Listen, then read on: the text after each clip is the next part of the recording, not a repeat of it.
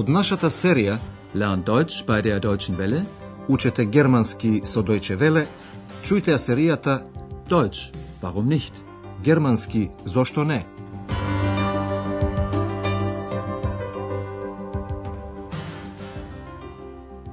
Liebe Hörerinnen und Hörer.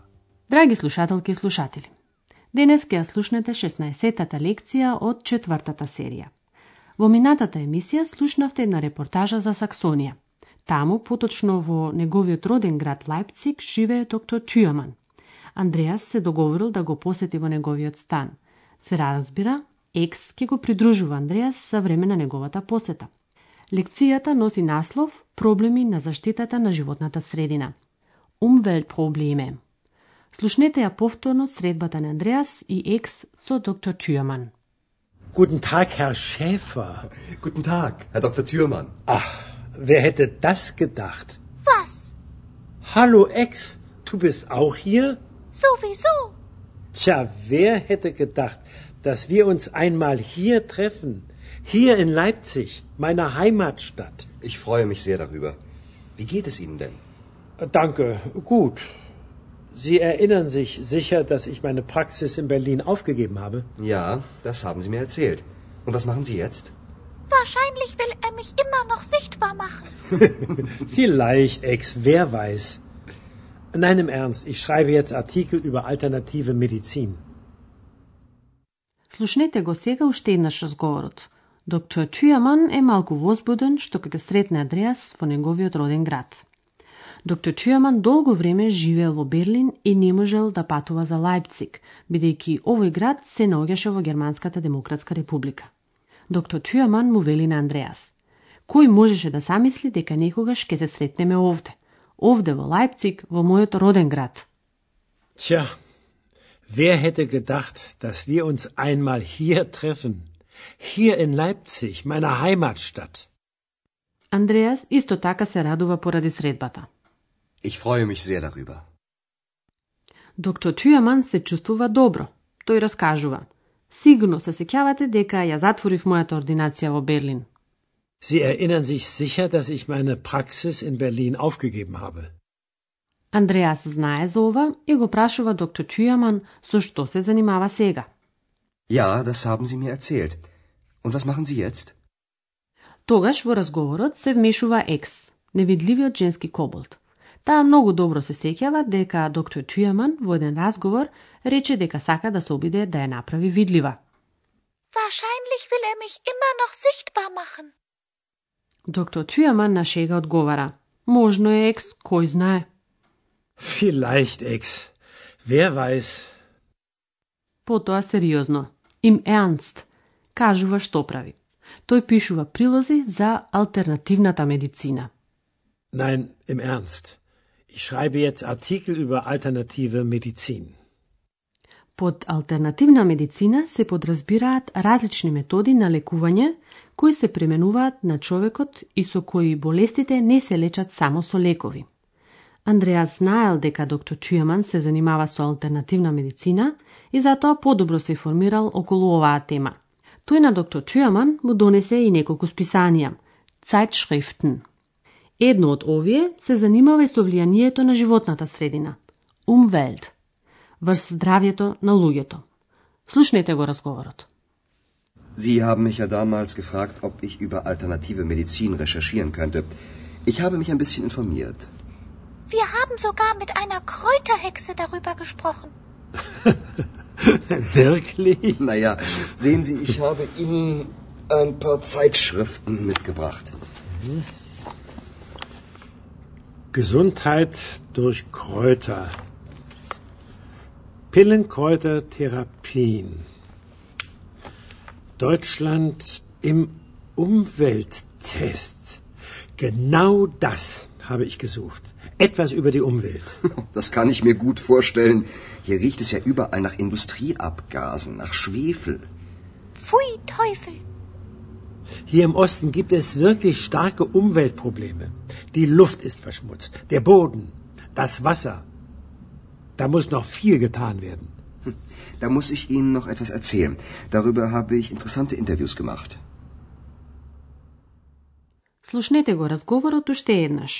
Пред подолго време доктор Тюеман го прашал Андреас дали би сакал малку да истражува за алтернативната медицина.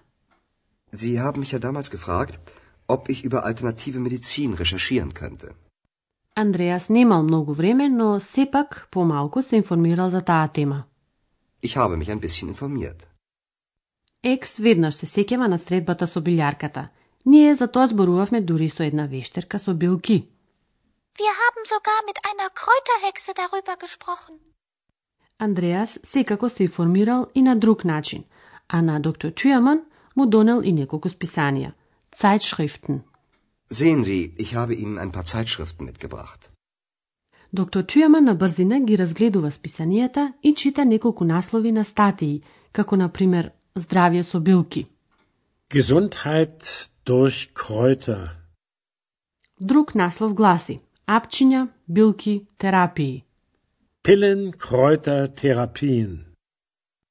Следниот наслов побудува посебен интерес кај доктор Тюаман. Тој гласи Тест за животната средина во Германија. Deutschland im Umwelttest. Доктор Тюјаман се радува бидејќи и онака му требале информации за темата животна средина, Umwelt.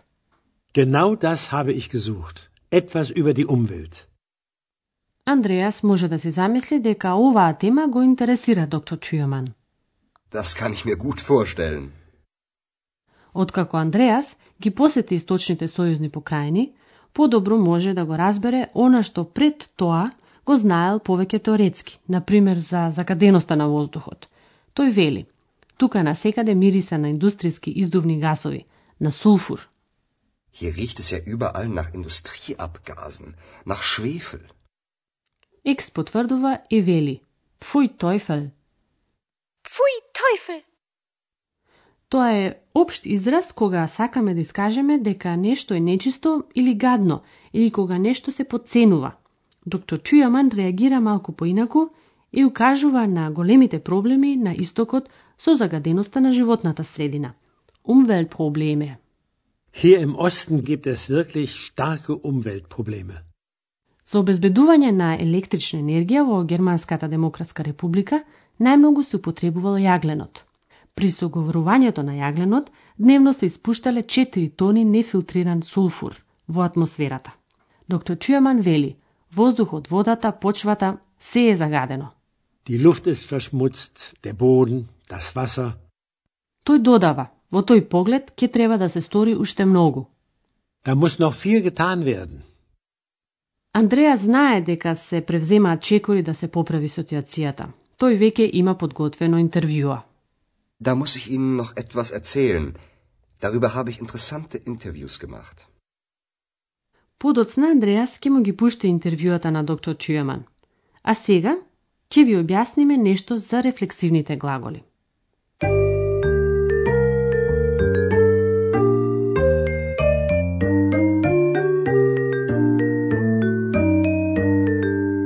Веќе ги знаете рефлексивните глаголи во германскиот јазик. Тие во инфинитив секогаш се пишуваат заедно со рефлексивната заменка sich. Sich erinnern. Sich freuen. Во третото лице и во учтивата форма на обраќање, sie, заменката гласи sich. Sie erinnern sich sicher, dass ich meine Praxis aufgegeben habe. Кај сите други лица, рефлексивните заменки ја имаат истата форма како и личните заменки. Првото лице еднина во акузатив гласи mich. Слушнете два примери. Ich freue mich sehr darüber. Ich habe mich ein bisschen informiert. Дативот од рефлексивната заменка во прво лице, еднина, гласи mir. Das kann ich mir gut vorstellen. А дали рефлексивните заменки ќе стојат во датив или акузатив, ќе треба да научите на памет.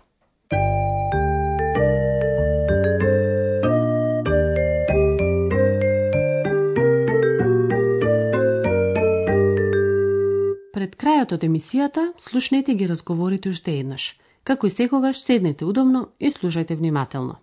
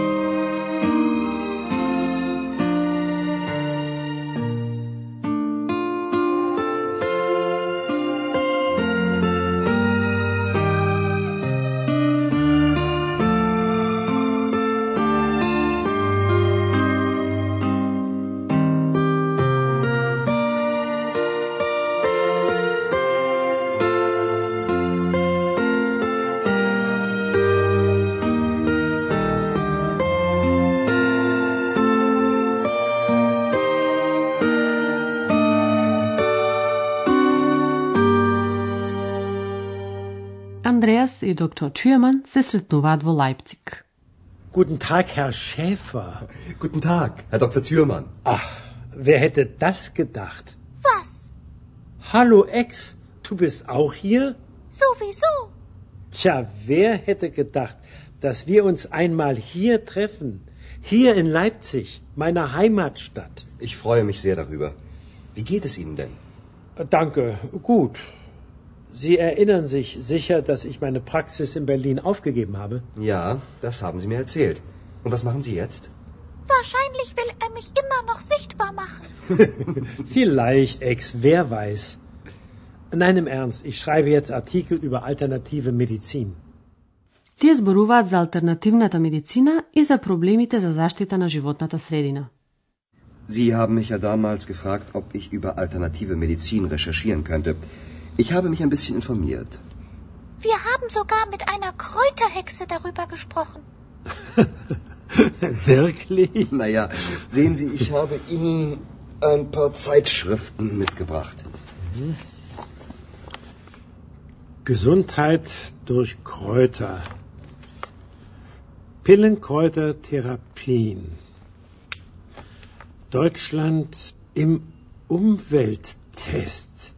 Genau das habe ich gesucht. Etwas über die Umwelt.